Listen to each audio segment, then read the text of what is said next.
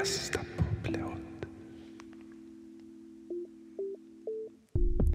Det finns låtar Hej Shabaloba! Jag är Nils Karlsson och det här är världens bästa poplåt som den här gången handlar om en låt som kanske inte borde spelats in alls men som på grund av hur absurd den ändå är, är fantastisk på sitt eget lilla sätt. Det här är näst sista avsnittet innan ett sommaruppehåll och det är näst sista avsnittet där vi utforskar coverlåten som konstnärlig form, alltså när en artist tar en annans låt och gör den till sin egen och tillför något som i bästa fall gör den bättre eller i alla fall ny. Veckans låt gör det men absolut inte på det sätt som artisten tänkt sig. Skicka pengar och så vidare, det finns länk i närheten. Men gör det sen för nu ska vi resa in i det absurdas värld och till slut lyssna på världens bästa poplåt. En låt som lyckas bli bäst i världen genom att vara fel på exakt alla sätt en låt kan vara fel och just därför blir den så fantastisk. Jag har pratat om Nina Simone innan här i podden. Det finns ett avsnitt om hennes mästerverk Mississippi Goddamn ni kan gå tillbaka och lyssna på. I Mississippi Goddamn sjunger hon om den vrede hon inte kan hålla tillbaka när vita mördare gång efter gång släpps fria och vita domare och vita juryer efter att ha sprängt svarta barn eller lynchat svarta pojkar om vreden för att det inte finns någon rättvisa för svarta människor och total frihet att förtrycka för de vita. Medan Martha Luther King levde lyssnade hon på dem som pratade om försoning och förlåtelse som nödvändiga i medborgarrättsrörelsen. Men när han mördats låter hon i Mississippi Goddamn meddela att I ain't about to be non-violent honey. Hon växte upp som svart kvinna i ett rasistiskt samhälle och såg hur mindre begåvade vita människor hela tiden fick gå före henne i kön. Hennes låtar växlade mellan vredgat uppror och sorg. Men nästan hela tiden fanns rasperspektivet med. Hon var det hon sjöng. Hon var bland de första artisterna sedan popmusikens genombrott som verkligen tryckte på vikten av att vara äkta. Identitetspop. Hennes Young, Gifted and Black handlar om henne. Den handlar också om alla andra unga begåvade svarta som inte får komma till sin rätt men den utgår från henne. I henne kan andra känna igen sig och förstå och det som är Nina Simons styrka är att hon med sitt pianospel och sitt uttryck också ger andra möjlighet att förstå. Även vi som inte levt hennes liv. Och här är den. Håll den i tankarna resten av avsnittet.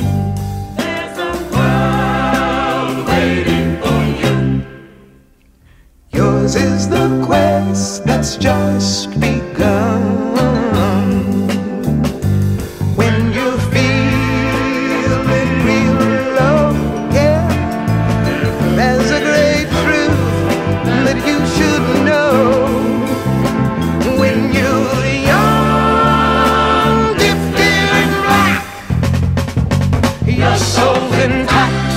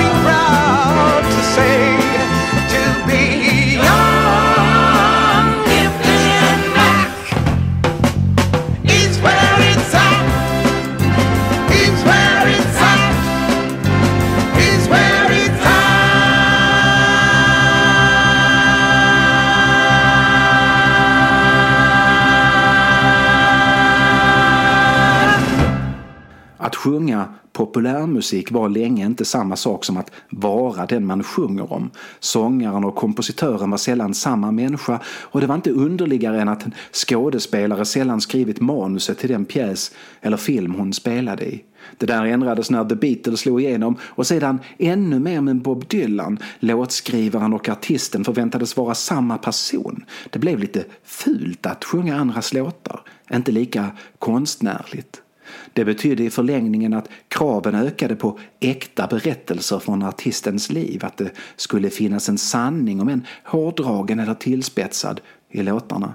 En artist som sjunger om blommor och att vägra vapen kan inte inställa sig som frivillig för att åka till Vietnam och skjuta vietnameser. En artist som sjunger om att livet bara är sex, droger och rock'n'roll kan inte vara absolutist och dansbandsentusiast. Dissonansen sänker trovärdigheten hur väl sångaren än sjunger.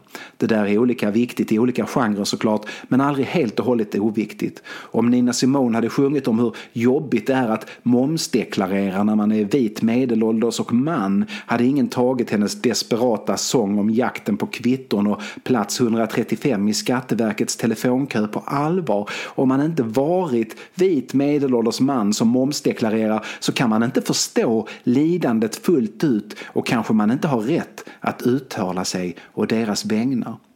Det där är också självuppfyllande. Artister tvingas bli mer och mer lika det de sjunger om för att behålla publiken och sin trovärdighet.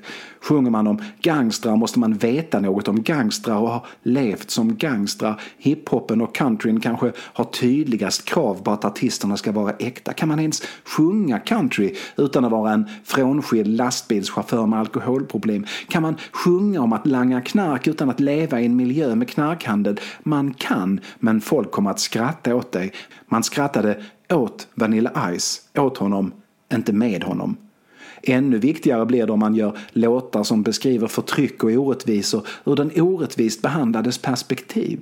Dels handlar det om tolkningsföreträde, ett begrepp som tyvärr kan spåra ur i fel händer men som i grund och botten handlar om att den som upplever någonting är den som har rätt till sin egen upplevelse av det och att om personen som inte har upplevt det har en åsikt om saken så bör man hålla den som upplevt dess upplevelser för sanna, ungefär, om inte sanna så i alla fall mer moraliskt relevanta än andra subjektiva omständigheter. Att någon har åsiktsföreträde betyder inte, i alla fall bör det inte betyda, att ingen annan kan ha en åsikt eller möjlighet att förstå saken. Ibland används ordet på ett sätt som inte alls är vettigt. Det här är något av en infekterad diskussion så jag tar det försiktigt här. Frågan om vem som har rätt till att deras bild av verkligheten ska hålla som allmän sanning är viktig. Ibland helt avgörande för vilket samhälle vi får. Om vi som Nina Simone vill ha ett samhälle utan rasism så kan vi inte låta människor som aldrig utsatts för rasism få berätta om hur det egentligen är att bli utsatt för rasism. Risken är att ingenting förändras om till exempel snubben som en gång kallades Svenne på bussen till Svalöv och inte tyckte det var så farligt ges lika stor betydelse som Nina Simons insikt om att vita människor när som helst kan mörda henne utan att bli straffade. Då och då diskuteras frågan om aborträttigheter i Sverige och det kan man ju och bör man ju göra. I de diskussionerna hörs det ibland att män inte ska ha åsikter om saken eftersom män som regel inte blir gravida och därför aldrig ställs inför ett beslut om abort eller inte och därför inte påverkas lika stor utsträckning av beslut kring aborträttigheter som kvinnor gör. Och det är ju sant, så är det. Att inte kunna bli gravid är verkligen lysande om man vill överleva länge. Graviditet är fortfarande en av de vanligaste dödsorsakerna för kvinnor men åsikter kommer vi ju ha ändå och ska ha eftersom vi män än så länge av någon anledning, alltså jag tänker generellt här, är med och stiftar lagar. Vad vi män inte ska göra är att förklara för kvinnor hur de upplever aborten eller graviditeter eller någonting som har med saken att göra. Där är frågan om tolkningsföreträde glasklar. Frågan om tolkningsföreträde blir extra viktig när en artist gör sig till röst åt en grupp. Det är här trovärdigheten inte sällan är lika viktig som text eller musik för att få fram budskapet. Om Sean Banan och Markoolio gör en duett om deras lidande efter att ha genomlidit en olaglig abort på en smutsig gata i Dallas så kommer det enbart uppfattas som osmakligt och korkat eller eventuellt nedlåtande och förfärligt. Public Enemy banbrytande rapartister från New York gör 1990 låten 911 is a joke. Det är en nattsvart sarkastisk protest om hur ambulanser och polis inte åker på larm från kvarter med mestadels svarta invånare. Det finns ingen hjälp från samhället att vänta. Det har gått 25 år sedan Nina Simone och inte mycket har ändrats. Allting sker på de vitas villkor och de jävlarna bryr sig inte det minsta om att svarta människor dör i telefonkön. Public Enemy var alltid politiska, kompromisslösa och hårda och de sjöng och rappade om den värld de kom från. Deras musik osade av gator och knutna nävar och drömmen om att störta hela skiten och få lite rättvisa. Flavor Flavor arg och det med all rätt och det går inte att undvika att ta honom på allvar. Polisen visade upp statistik på att de visst det åker på larm till fattigaste Bronx och vi vet att Flavor Flav vet att han pratar om så vi litar på honom då. Och sen, ingen blev förvånad när polisens statistik faktiskt smulas sönder på en presskonferens någon månad senare. Public Enemy var äkta och deras tolkningsföreträde välförtjänt. Du behöver inte vara ung och svart och ignorerad av larmcentralen för att förstå och ta dem på allvar. 1995 tycker det brittiska vita medelklassbandet Duran Duran att det vore en bra idé att spela in Public Enemies 911 is a joke. De gillar låten, de vill vara nere med ungarna som man säger och det är ett tag sedan de själva var unga och trendiga, tio år sedan minst. Nu är de vita 35-åringar med högar med pengar som verkligen vill få människor att förstå hur ohyggligt orättvist livet är för fattiga svarta i New Yorks utkanter. Simon Le Bon söker i sig själv och försöker hitta sin inre rappare men istället finner han någon som nästan och helt och hållet är så långt ifrån en svart rappare man kan komma. Duran Duran kämpar. Nya gitarristen Warren Cucurulo tar sin progg och konstrocksform in till till inspelningarna och proggar loss och ingen vågar tydligen säga stopp. Sen sitter Duran Duran där i sina stora hus, mycket stora hus på landet och känner sig nöjda med att någon, det vill säga de, äntligen ger en röst till de förtryckta. Att Duran Duran är deras språkrör. Det är såklart bisarrt. Inte musikaliskt vedervärdigt, men bisarrt.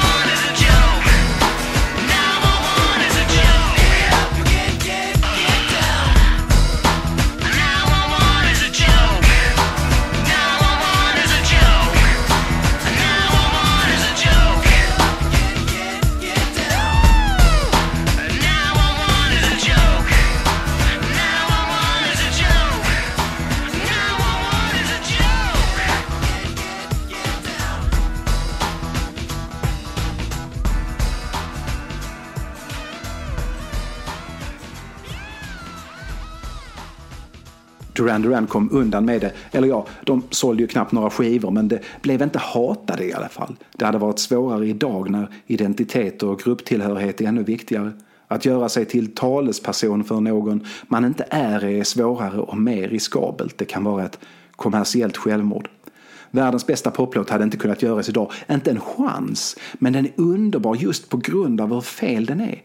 Världens bästa poplåt är Nina Simones Young Gifted and Black men inte med Nina Simone. Hon har som sagt gjort bättre saker.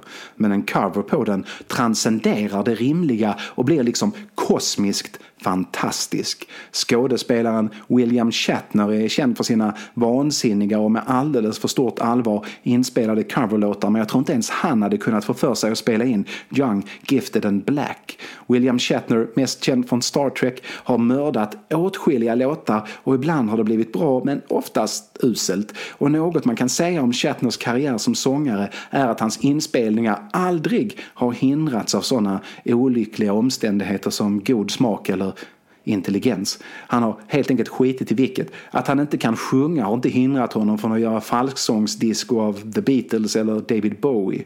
Men det finns ingen chans att han hade gjort Young, Gifted and Black för Shatner är vit, gammal och om vi ska vara helt ärliga inte särskilt begåvad. En som inte kände några sådana hämningar inför Nina Simones låt var Elton John. Elton John är ute på avskedsturné just nu men jag misstänker att han inte spelar John Gifted and Black från 1970 på sina konserter. Den är från innan han slog igenom så han tänker nog att fansen inte hört den. De förväntar sig hitsen och inte bortglömda låtar eller singelbaksidor. En gång i tiden var Elton John okänd och hankade sig fram och spelade på pubbar och barer och som klassisk skolad pianist lyssnade han med all säkerhet på Nina Simone som ju också var det. Simone tog det klassiska pianot in i jazzen och poppen och det ville Elton John göra med pianot till rockmusiken. Det finns inget i Elton Johns tolkning av Young Gifted and Black som låter annat än kärleksfullt, om än dåligt, men kärleksfullt. Det är bara det att Elton John är Elton John. Han var ung 1970 men annars har han inget gemensamt med Simone. Hennes låt bär bitterheten av att inte ha fått komma in på musikuniversitet på grund av sin hudfärg. Hennes provspelning fick högsta poäng men antagningskommittén sa enligt henne att de redan har en neger som hon får söka nästa år. Elton John kom in på första ansökan, fick stipendium. Inte samma universitet men ändå. Elton är vit, han har inte utsatts för den typen av rasism. Inte heller en kvinna. Det betyder inte att han inte sjunger Simons könsperspektiv med viss inlevelse, men han är inte kvinna. Arrangemanget är vansinnigt, men det är inte det som gör Elton Johns cover så otrolig. Nej, det som är så magnifikt är att det är Elton John som sjunger den. Det är inte med flit, men på grund av att han är den han är så blir låten nästan ännu mer drabbande.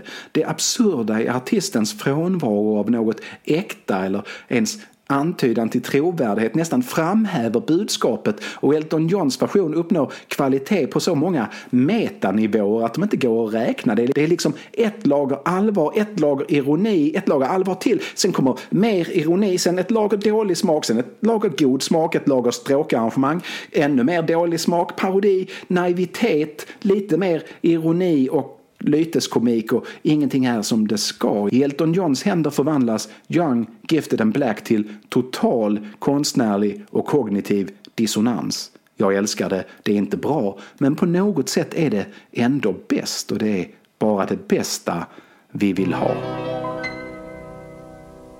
Young, gifted and black.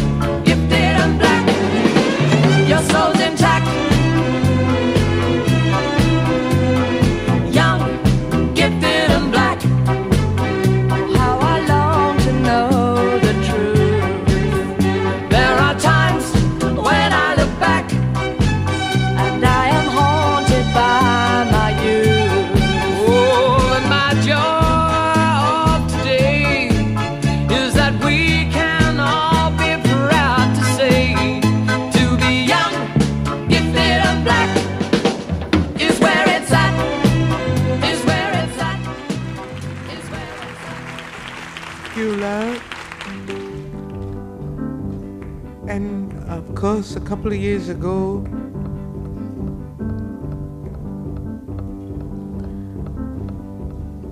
four little girls were killed in Alabama. And at that time, we got the inspiration to do this song. But Dr. King's murder has left me so numb.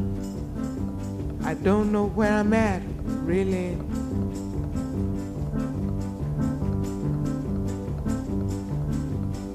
And of course, you heard this song that was composed by Gene Taylor, especially for today.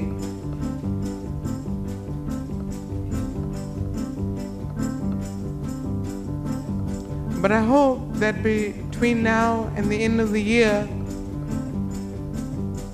it'll all be together enough that we will have songs that go down in history for these wonderful, brave people who are no longer with us.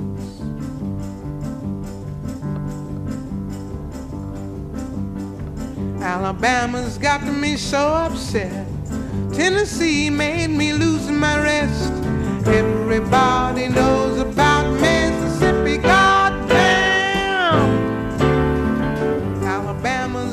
me so upset. Lurleen Wallace has made me lose my rest. Everybody knows about Mississippi, goddamn. Can't you see it? I know you can feel it. It's all in the air. I can't stand the pressure much longer.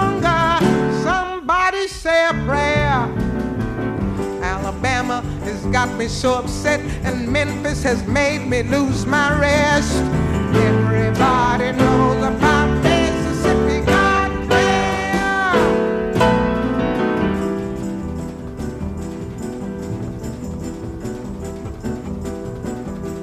Hound dogs on my trail, little school children sitting in jail. Black cat crossed my path. I think every day's gonna be my last. Lord, have mercy on this land of mine. We all gonna get it in due time.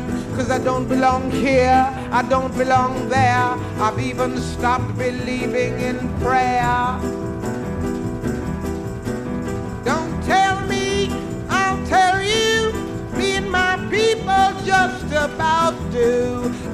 Been there, so I know. You keep on saying go slow.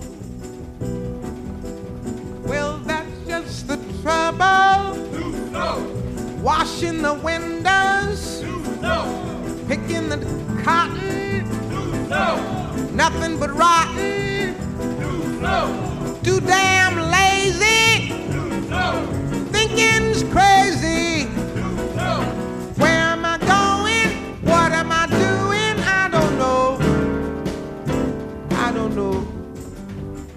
Try to do my very best. Stand up, be counted with all the rest. Cause everybody knows about Mississippi. Goddamn! Now you heard him. He's one of you. If you have been moved at all, and you know my songs at all, for God's sakes, join me. Don't sit back there. The time is too late now. Good God. You know, the king is dead. The king of love is dead. I ain't about to be nonviolent, honey.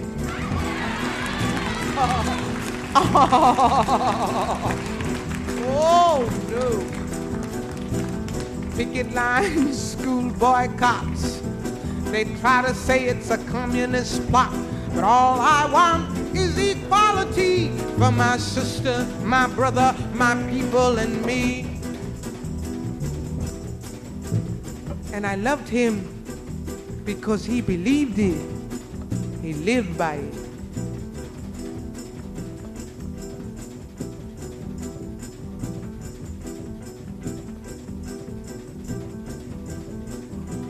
But you lied to me all these years. You told me to wash and clean my ears and talk real fine, just like a lady, and you stopped calling my mama Aunt Sadie.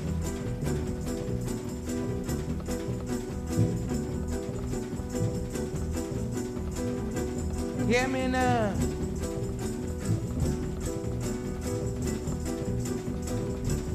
But my country is full of lies. Gonna die and die like flies. I don't trust nobody anymore. Keep on saying go slow. That's just the trouble. Desegregation. Mass participation. Unification.